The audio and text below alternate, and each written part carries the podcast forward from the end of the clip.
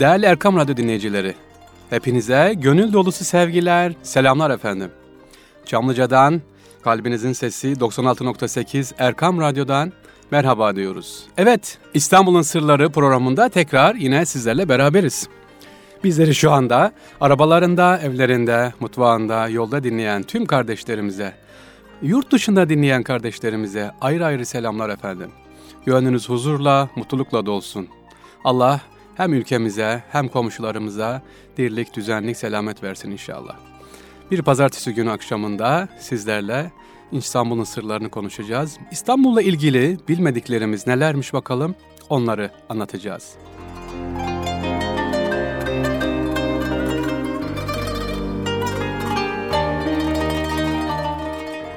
İlk önce geçen hafta biliyorsunuz her programımız olduğu gibi yarışmamız vardı. Acaba yarışmamızı kimler kazandı?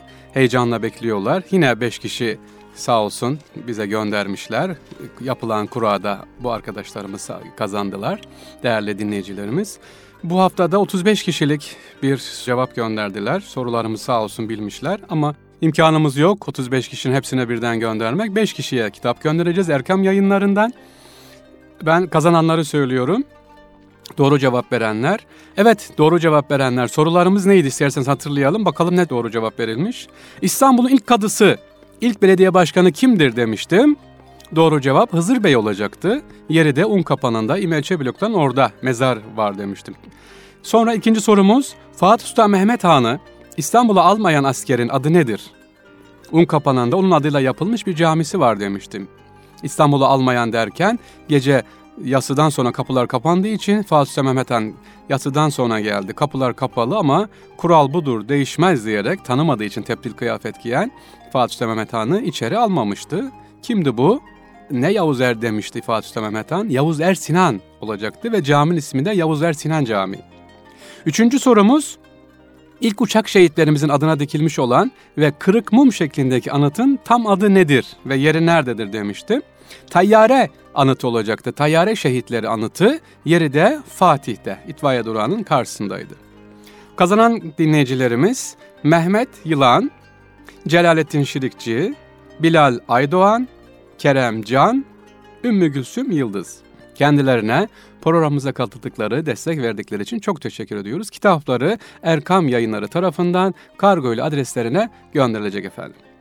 Evet, kaldığımız yerden devam programımıza bakalım İstanbul sırlarında bu hafta neler işleyeceğiz?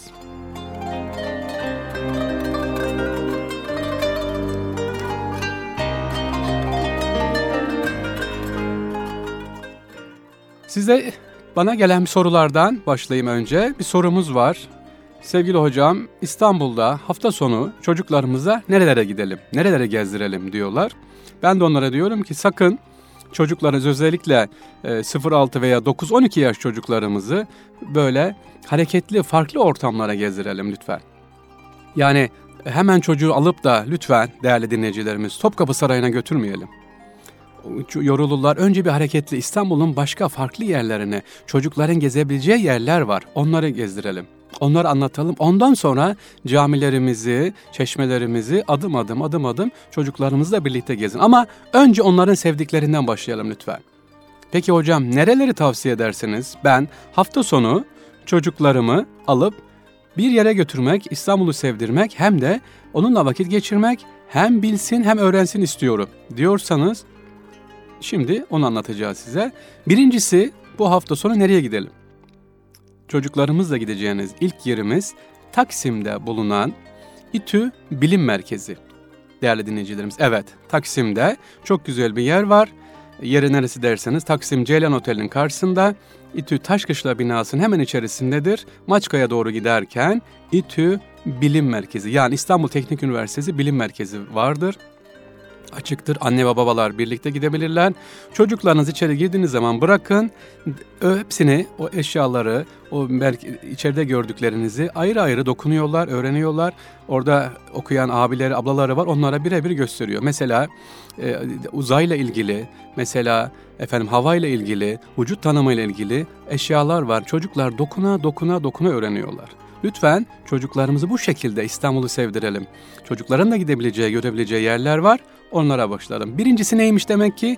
İstanbul Teknik Üniversitesi İTÜ Deneme Bilim Merkezi. Yeri nerede hocam? Yeri Taksim'de İTÜ Taşkışla binasının hemen içerisinde. Çok cüzi bir giriş ücreti var. 3 lira kadar ücreti var. Velilerle birlikte girebilirler. Ve girdiğiniz zaman altlı üstü iki kat çok güzel bir şekilde yaklaşık en azından iki saat hatta daha fazla vakit geçirebilirler. Değerli dinleyicilerimiz diğer bir sorumuz başka efendim nerelere götürebiliriz diye demişler çocuklarımızı gezebileceğiniz yer. Özellikle elektrik nasıl yapılır? Osmanlı döneminde elektrik nasıl dağıtılıyordu? İstanbul'un sokakları nasıl aydınlanıyordu? Merak ediyoruz ama yine aynı şekilde Eyüp Sultan bölgesine gittiğimiz zaman Eyüp Sultan, Ali Beyköy, Eyüp tarafına gittiğimiz zaman orada bir müze var. Santral Müzesi. Evet, müzemizin adı Santral Müzesi. Giriş ücretsizdir. Rahatlıkla girebilirsiniz. Park yeri var. Santral Müzesi. Baktığımız, araştırdığımız zaman çocuklarımızla birlikte girebiliriz. Burayı rahat bir şekilde gezebiliriz. Ne var Santral Müzesi'nde? Elektrik nasıl üretiliyor? Dağıtım Osmanlı döneminde nasılmış?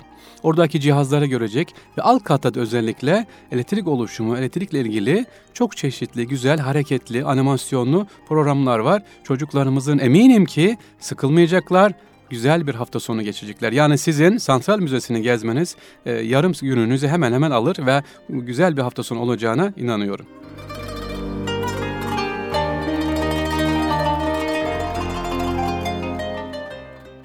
Sonra nereye gideceğiz? Anadolu yakasında olanlar için tavsiye ediyorum. İki tane yerimiz var.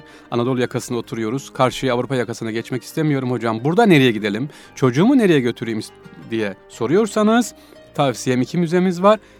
Oyuncak Müzesi. Evet, Oyuncak Müzesi.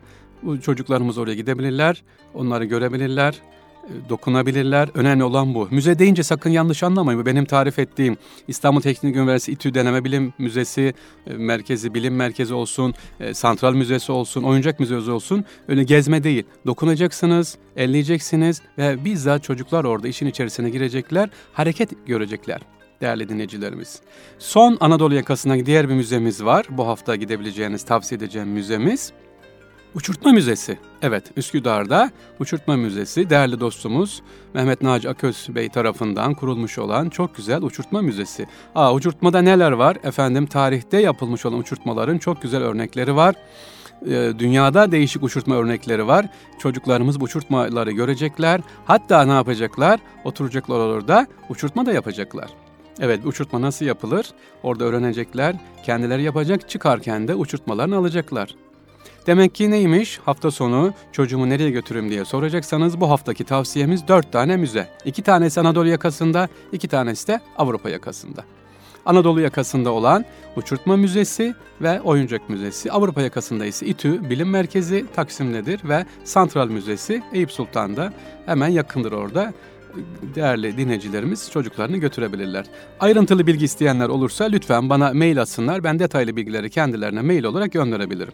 Mail adresimi de hazır hemen yeri gelmişken verelim. sarrafoğlufahri.gmail.com Çocuğumu hafta sonu nereye götüreyim, nasıl bir hafta sonu geçireyim diye sorarsanız değerli Erkam Radyo dinleyicileri lütfen sorun.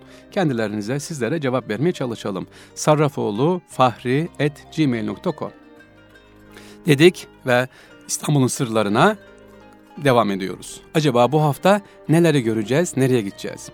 Efendim ben sizleri Sultanahmet'e götürmek istiyorum. Sultanahmet'te farklı bir çeşmemiz var.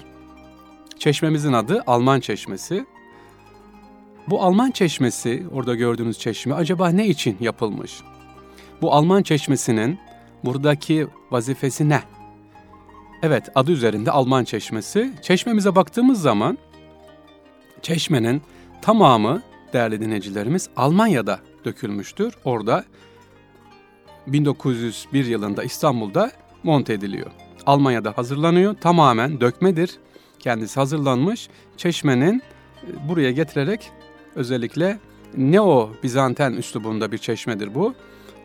Tarihi yerimizde İstanbul Sultanahmet Meydanı'nda monte ediliyor. E güzel tamam ama bu çeşmenin İstanbul'a getirilmesi, Alman İmparatorunun buraya hediye etmesinin sebebi nedir? Bunun bir güzel bir hikayesi var anlatalım. Özellikle Sultanahmet Türbesi'nin hemen tam karşısına bulunan çeşmeyi Almanya'da yaptıran İstanbul'a göndermesinin gerçek sebebi Alman İmparatoru, o dönemin Alman İmparatoru İstanbul'da Arkeoloji Müzesi'nde bulunan İskender Lahdini almak istiyor. Evet, Alman İmparatoru, o dönemin Alman İmparatoru diyor ki İstanbul'daki Arkeoloji Müzesi'nde bulunan İskender Lahdini almak istiyor. Lahdi, bugünkü Lübnan'da yaptığı bir kazı sonucu bulan Osman Hamdi Bey'dir. Sultan Abdülhamit Han diyor ki Alman İmparatorunu tabi rest etmeyelim bizden böyle bir şey istemiş hediye edelim diyor ama İkinci Abdülhamit'e cevabı çok ilginç. Ancak ölümü çiğneyerek verebilirsiniz sultanım, hünkârım diyor.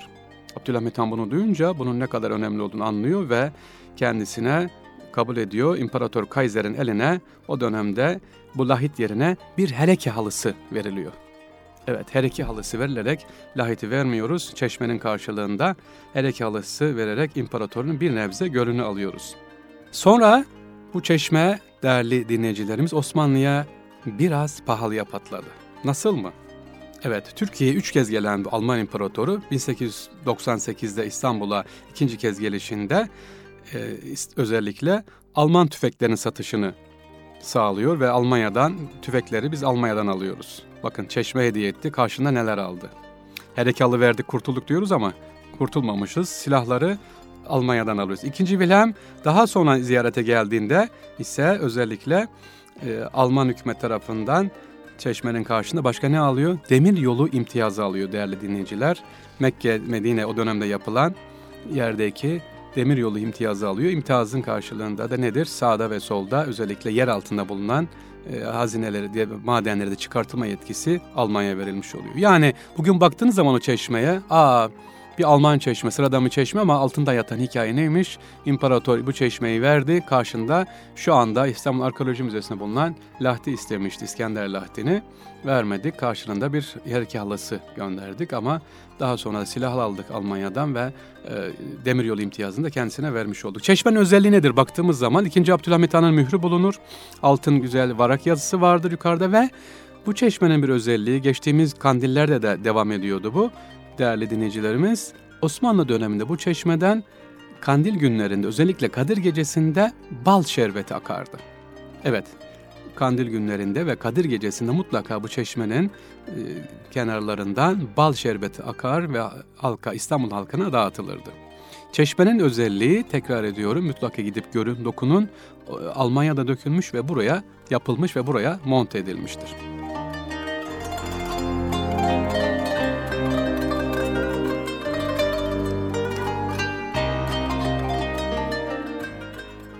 Alman Çeşme'den geçiyoruz şimdi. Farklı bir yere gidiyoruz. Özellikle İstanbul'da neler var? Çok güzel, ilginç olan yerlerimiz var. Bunları gezeceğiz. Geçen hafta e, özellikle e, Peygamber Efendimizin selamıyla yapılan camiyi anlatmıştım size ki onunla ilgili çok sorular var gönder nasıl gidebiliriz diye gönderdim. Efendim şimdi anlatacağım İstanbul'un sırlarındaki diğer bir konu başlığımız ise Osmanlı padişahlarının tılsımlı gömlekleri. Nasıl yani diyebilirsiniz? Osmanlı padişahlarının tılsımlı gömlekleri olur mu? Evet. Osmanlı padişahlarının şu anda 87 tane Topkapı Sarayı'nda gömleğimiz vardır. Bunlar 7-24 Topkapı Sarayı'nda muhafaza edilmektedir. Yani 24 saat korunmaktadır. 87 adet özelle hazırlanmış gömlek. Bunlar nedir? Efendim bu gömlekler 8 bin ilmekle dokunmuştur değerli dinleyicilerimiz. 8 bin ilmek. Osmanlı sultanlarının savaşa galip gelmek için, nazardan korunmak ve şifa bulmak için giydikleri gömleklerin üzerinde harf ve rakamların Kur'an'daki ayetleri temsil etti ama bunların sırrının sadece dokuyan tarafından bilindiği söylenmektedir gibi şu anda bir doçent hocamız da hala bu gömlekler üzerinde araştırmalarını devam ettirmektedir.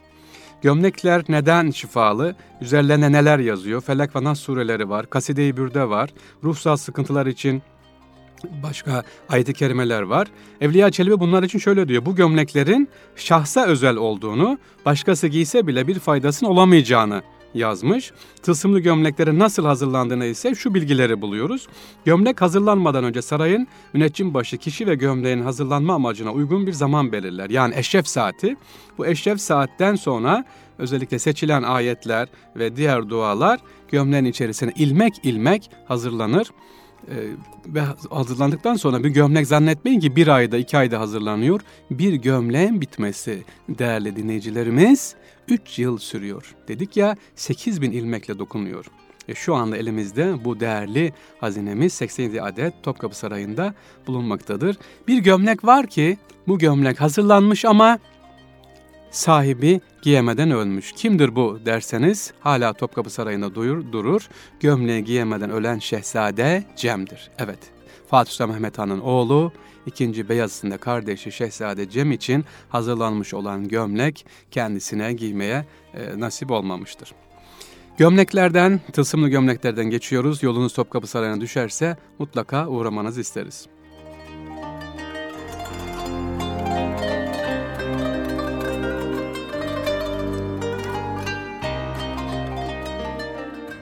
Özellikle şimdiki geleceğimiz yer Fatih'e geldik. Fatih Sultan e, Mehmet eski adıyla mahallesinde bir bölgemiz var. Mimar Sinan Mahallesi. Evet Mimar Sinan Mahallesi'nde değerli dinleyicilerimiz yani Akşemseddin Sokağı, Hırkay Şerif Mahallesi oradan geçerken ya da Vatan Caddesi'ne inerken Emniyet İstanbul Emniyet Müdürlüğü'nün tam karşısında küçük bir cami vardır. Küçük bir cami. Şöyle dışarıdan baksanız minyatür, farklı minaresi olan bir camidir. Bu caminin özelliği nedir diye sorarsak ki ismini verelim. Mimar Sinan Camii. Mimar Sinan'ın evinin bulunduğu yerdir. Kendisine oturduğu yerdir burası. İstanbul Emniyet Müdürlüğü'nün tam karşısındadır. E, Mimar Sinan Camii. Caminin özelliği ise kendisi bir bizzat kendisi adına yaptırmıştır Mimar Sinan ve çeşmesi de hala durmaktadır. Peki bu caminin özelliği ne? Yazlık ve kışlık iki bölümdür.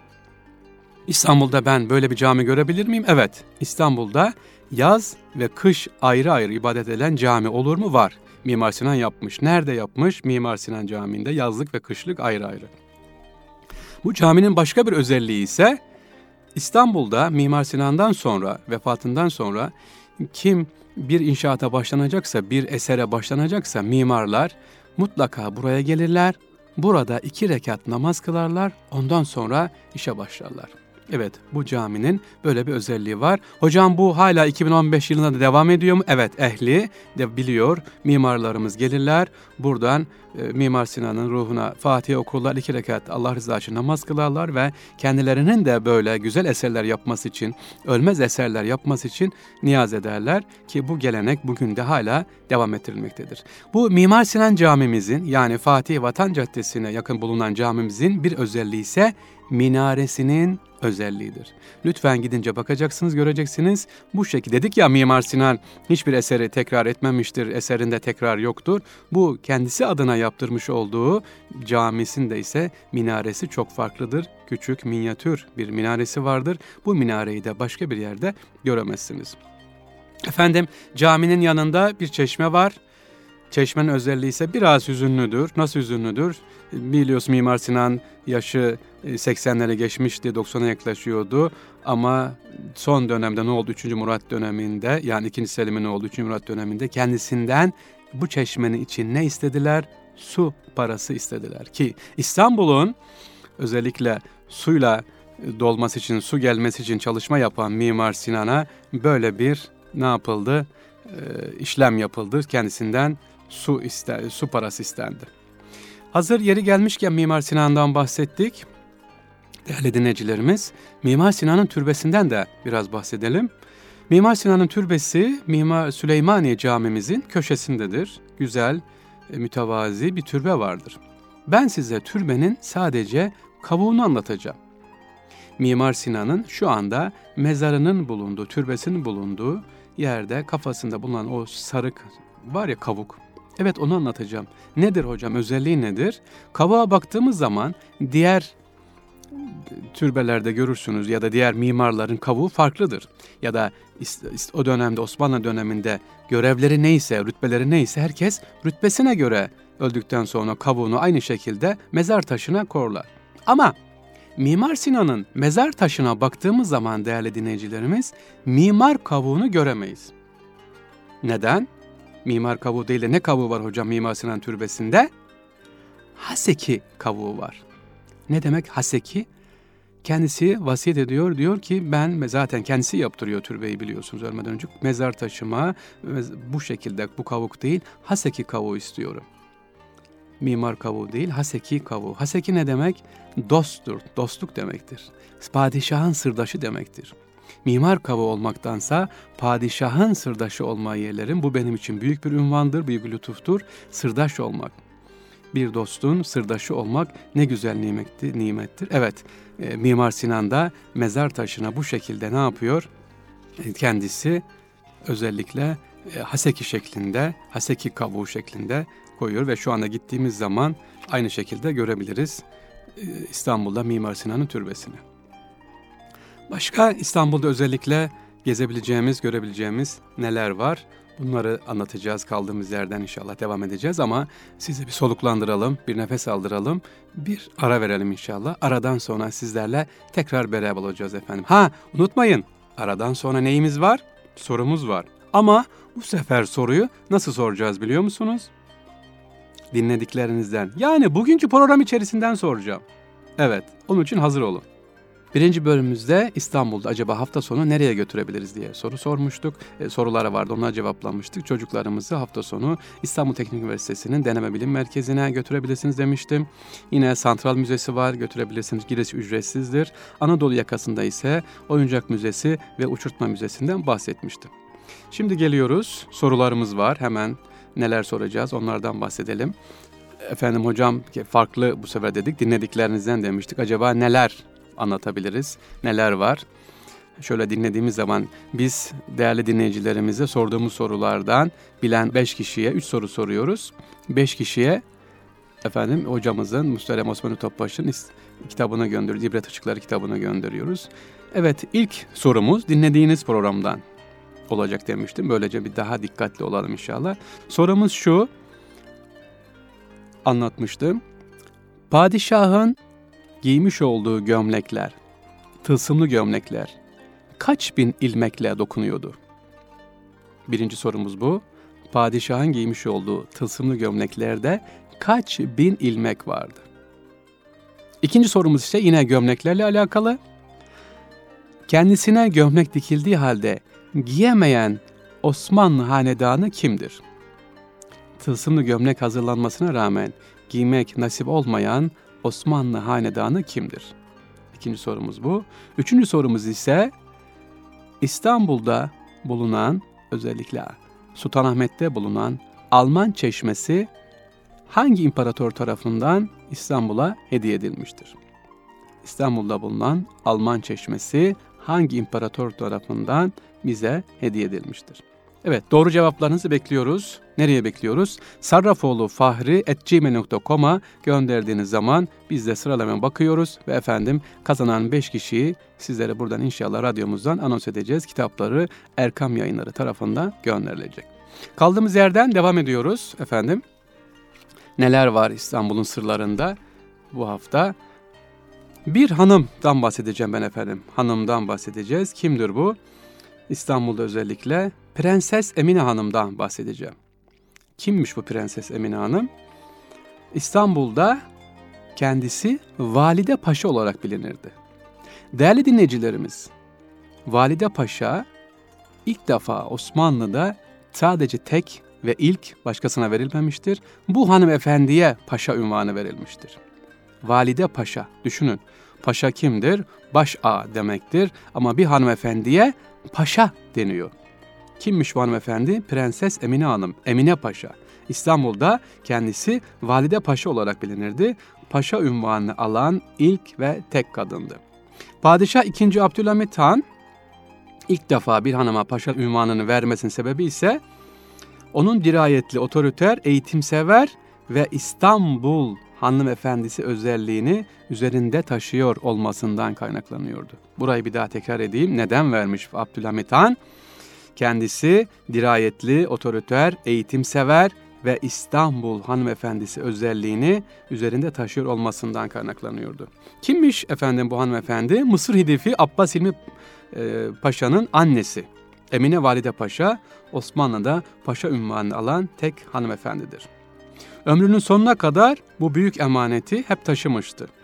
Öyle ki Sultan II. Abdülhamit Han tarafından kendisine hediye edilen Bebek'teki yalıyı şu anda Mısır konsolosluğunun bulunan yalıyı yeni kurulan Türkiye Cumhuriyeti'ne bağışlamak istedi. Dedik ki eğitimsever bir hanımdı. Evet burayı dinleyelim şimdi. Biraz daha hassas dinleyelim. Biraz daha radyonuzun kulaklarını ya da sesini açın. Ne olmuş? Evet şu anda İstanbul Bebek'te bulunan Mısır konsolosluğunun demek ki sahibi kimmiş? Bu hanımefendiymiş. Ve bu binayı, bu meşhur yalıyı kime bağışlıyor? O dönemde yeni kurulan ülkemize bağışlıyor. Tapu hazırlıkları yapılıyor, tapuya gidiliyor ama tapuda ilginç bir şey oluyor. Tapuda görevli diyor ki işlem yapılırken efendim yazıyor orada yalının devir teslimi sırasında resmi yazışmalarda A paşa gibi ünvanlar yasaklandığı için Emine Valide Paşa'ya Bebekli Emine Hanım diye hitap ediliyor. Çok şaşırıyor Emine Hanım. Nasıl yani diyor. Efendim kusura bakmayın paşa ünvanını veremeyiz, kullanamayız. Yani Emine Valide Paşa yazamayız, kaldırılmıştır. Size arzu ederseniz Bebekli Emine Hanım diye yazalım. Deviri öyle yapalım diyor. Bunun üzerine çok şaşırıyor ve üzülüyor. Hayır diyor bu ünvan bana Sultan II. Abdülhamit Han tarafından verildi. Tektir, tek bir ünvandır. Paşalık ünvanından vazgeçmem diyor. Ve o otoriter hanım Valide Paşa, Emine Valide Paşa yalıyı bağışlamaktan vazgeçiyor. Türkiye Cumhuriyeti yerine Mısır hükümetine bağışlar ve şartlı bir şekilde tabii bağışlıyor. Yala bugün halen Mısır konsolosluğu olarak da kullanılmaktadır. Tekrar edersek demek ki Emine Valide Paşa İstanbul'da Osmanlı döneminde paşalık ünvanı alan tek hanımefendiymiş.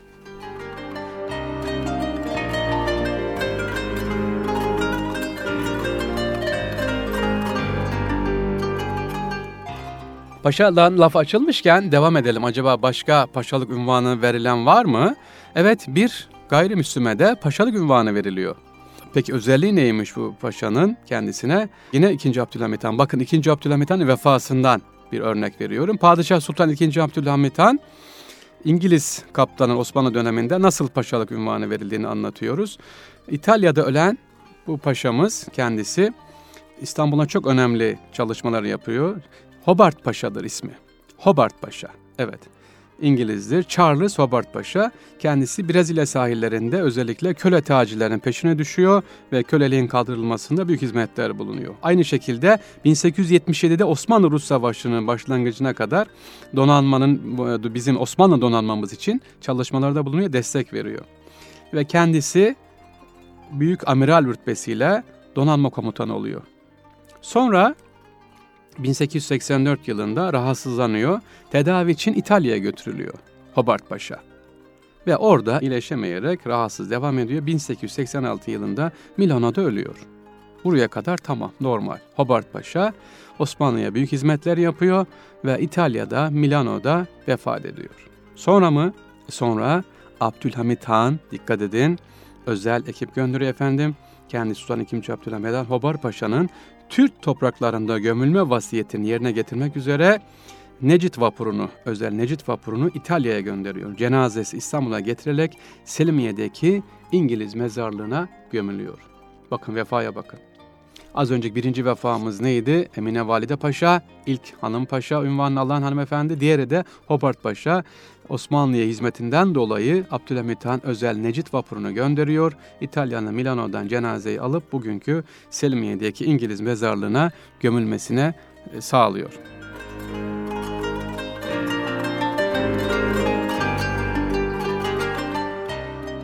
Evet, söz hanımlardan açıldı. O zaman biraz devam edelim efendim.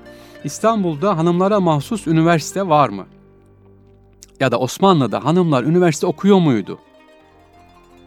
Soralım. Evet tabii ki Osmanlı'da hanımların gittiği üniversite vardı. Bugünkü İstanbul Üniversitesi Fen ve Edebiyat Fakültesi bulunduğu yerde Zeynep Hanım Konağı vardı değerli dinleyicilerimiz. Zeynep Hanım Konağı hani e, Laleli'den aşağı doğru inerken Beyazıt'tan gelirken sağda var ya İstanbul Edebiyat Fakültesi orada evet Zeynep Hanım Konağı vardı.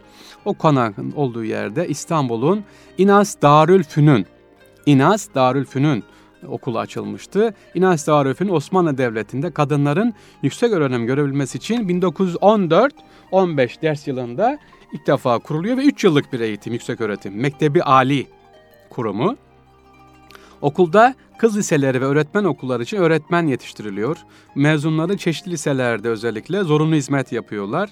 Ee, İnas Darülfünun'un karşılığında erkekler için de Zükür Darülfünunu da var, devam ediyor. Bu okul o, e, yaklaşık o dönemde 300-400 tane öğrenci yetiştirmiş, hanım e, öğretmenler yetiştirilmiştir. İstanbul'da neler öğreniyorlardı burada? 300 süreyle edebiyat, matematik, riyaziyat ve tabi bilimler bölümleri vardı. E, ayrıca e, okulda çalışmalarda İnas Darülfünun'da eğitime başlaması hemen ardından ise İnanç Sanayi Nefise Mektebi yani kadınlar için Güzel Sanatlar Okulu da o dönemde 1914'te açılıyor. İstanbul Üniversitesi'nin ana binasında açılıyor. Kızlara yönelik ilk dersler, hanımlara yönelik ilk dersler ise İstanbul Darülfünun bulunduğu Zeynep Hanım konağında konferans salonunda 1329 Kanuni yani 1914'te Şubat'ın 1914'ünde devam ediyor. Ne zamana kadar devam ediyor bu?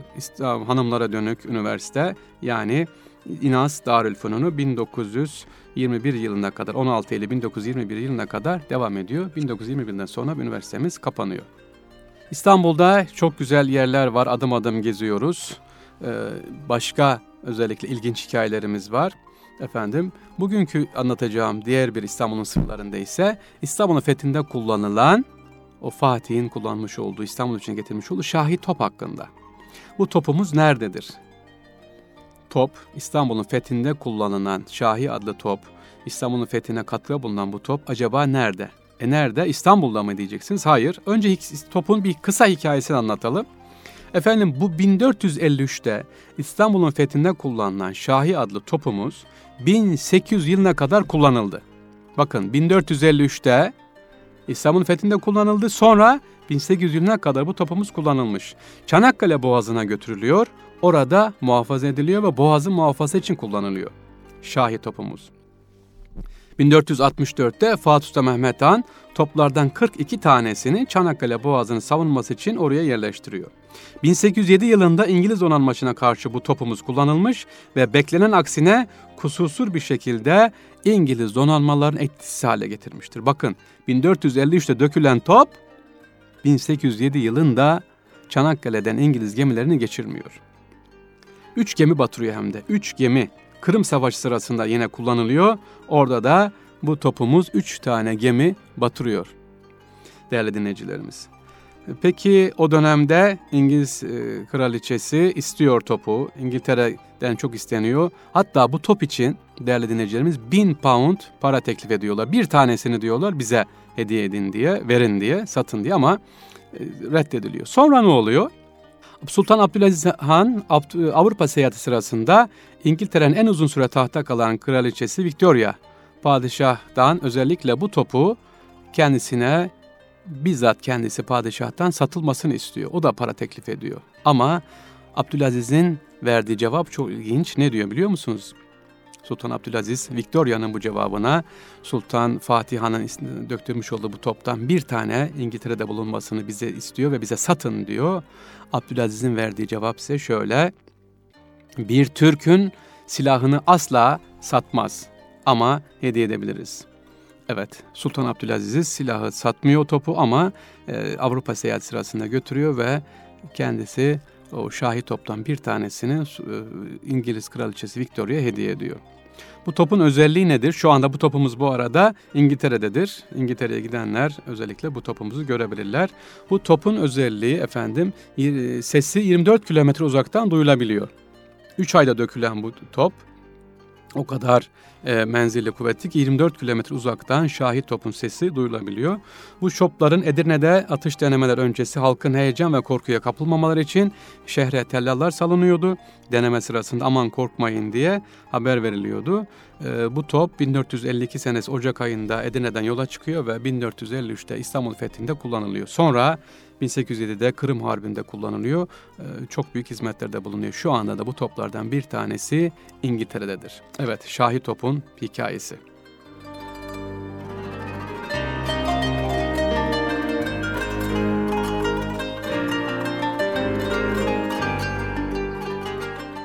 Efendim devam ediyoruz İstanbul'un sırlarına. Şimdi sizi Taksim'e götüreceğim. Taksim. İçinizde Taksim'e gidip de o anıtı görmeyen yoktur herhalde.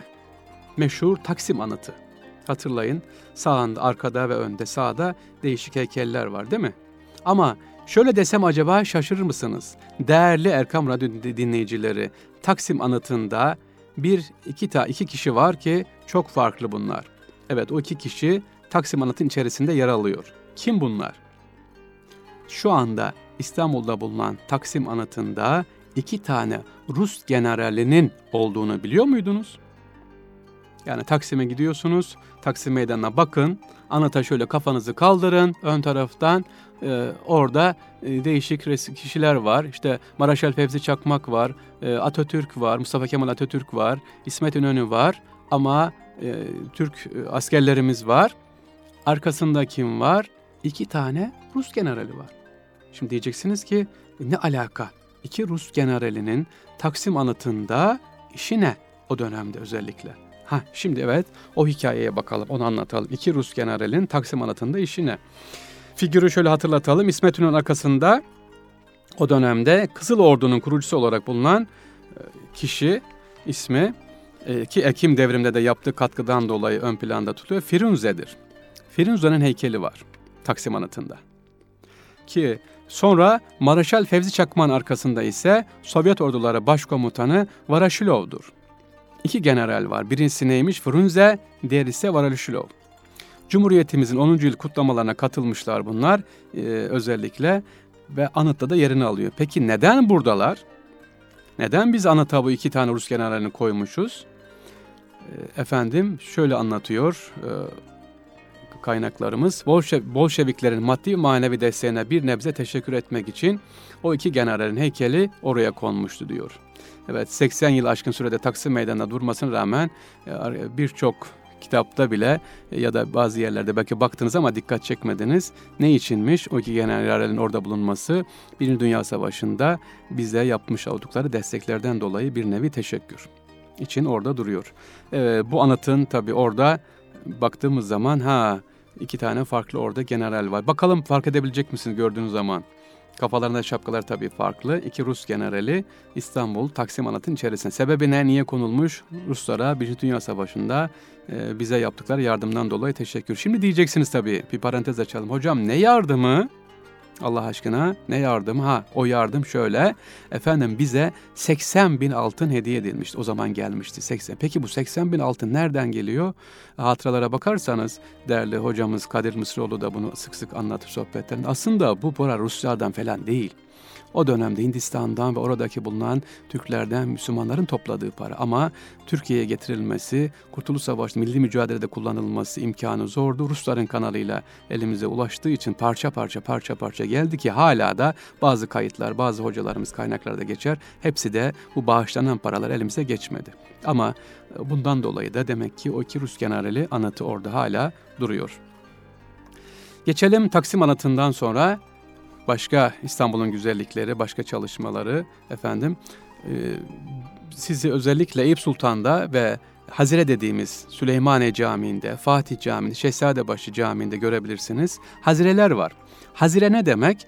Caminin kenarında bulunan o dönemin efendim Osmanlı aileleri, paşalar, vezirler, hizmet etmiş olan kişilerin mezarları vardır.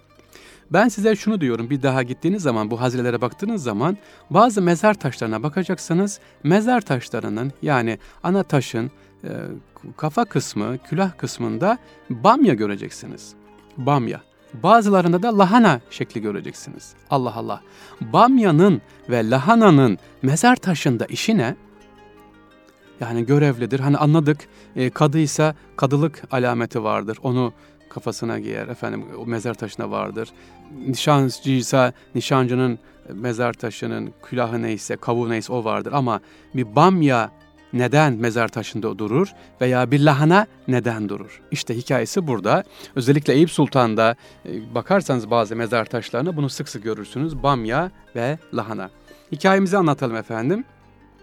Padişah Sultan Çelebi Mehmet yani 2. Murat'ın babası Fatih Sultan Mehmet'in dedesi tarafından Osmanlı Sarayı'nda tarihin ilk defa spor takımı kuruluyor efendim. Hani bugün var ya Fenerbahçe, Galatasaray, Beşiktaş de diyoruz ya efendim Trabzonspor diyoruz ya evet o dönemde de Osmanlı'da da iki tane takım vardı. Kim kurdurmuş bunu? Sultan Fatih'in dedesi Sultan Çelebi Mehmet. Lahanacılar ve bamyacılar takımı. Hocam nereden, niye lahana, bamya başka bir şey değil de ki özellikle bunlar e, bu iki takımın el, e, formaları ve renkleri de vardı. Lahanacılar yeşil, bamyacılar mavi katifeden elbise giyerlerdi. Lahana ve bamya niye dersek şehzadelerin eğitimi gördüğü yer neresiydi? Amasya. Amasya'da da o bölgede en çok yetişen iki sebzesi neydi? Lahana ve bamya olduğu için takımların ismi de lahana ve bamya olmuştur. Peki sonra iki takım oluştu. Her padişah, tahta çıkan her padişah da bir takımı tutuyor. Bir kısmı lahana, bir kısmı bamya. Efendim, e, bakın fanatikliği görüyor musunuz değerli dinleyicilerimiz? Bugün göremezsiniz bazı mezar taşlarında işte ne bileyim tutukları takımı Fenerbahçe, Galatasaray, Beşiktaş, Trabzonspor diyor ama o dönemde Osmanlı demek ki hangi takım tutuyorsa lahanacıysa mezar taşına lahana, bamyacıysa bamya resmi koyuyorlar. Bamya kavuğu koyuyorlarmış. Hatta padişah arasında Sultan 3. Selim lahanacılar tutarken Sultan 2. Mahmut da bamyacıları tutuyordu bakın. O kadar e, kendileri bu önem vermişlerdi. Efendim bu cirit takımıdır. Evet, Topkapı Sarayı'nda kurulmuş olan, devam eden cirit takımıdır. O kadar güzel ki cirit, cirit atın üzerinde hareketlidir, koşarlar, karşı taraftakini attan indirecek, yerdeki bulunan herhangi bir nesneyi alacak, çok hızlıdırlar. E, bu cirit yapanlara da cündi deniyordu. Atlı yiğit manasına gelen cündü deniyordu. Cirit oynaya, oynayanların isimleriydi bunlar. Hani şövalye deniyordu Hristiyanlıkta kullanılan. İslam dünyasında ise cündi idi bunlar. O kadar hızlı koşarlardı ki koşan bir ata dahi arkasından yetişip binebilir. At üzerinde çok iyi, iyi kılıç kullanırlardı bunlar. Hedefe ok atma, mızrak e, savurma gibi çok güzel maharetleri vardı. Peki ne oluyor? Peki nasıl kaldırılıyor? Hatta bir şey anlatayım şu anda. E, aklıma geldi. Evliya Çelebi'nin de dişi bu e, maç sırasında kırılıyor. Evet Evliya Çelebi de oynuyor. Dedemiz var ya bizim üstadımız efendim Evliya Çelebi pirimiz, seyyahların piri. Evliya Çelebi de bir e, cirit esnasında dişi kırılıyor. Fakat o kadar sert oynanıyor ki değerli dinleyicilerimiz 2. Mahmut döneminde bir paşa e, o sert oynadığından dolayı attığı ciritten dolayı vefat ediyor. Bunun üzerine 2. Mahmut'a kadar devam eden cirit oyunu Topkapı Sarayı'nda yasaklanıyor. Ondan sonra kaldırılıyor ama e, mezar taşlarında demek ki bugün görüyoruz ne var? Efendim bamya ve lahana var. Neymiş bu bamya ve lahana? Topkapı Sarayı'nda bulunan bir efendim cirit takımlarının isimleriymiş. Padişahlar tarafından bizzat desteklenirdi.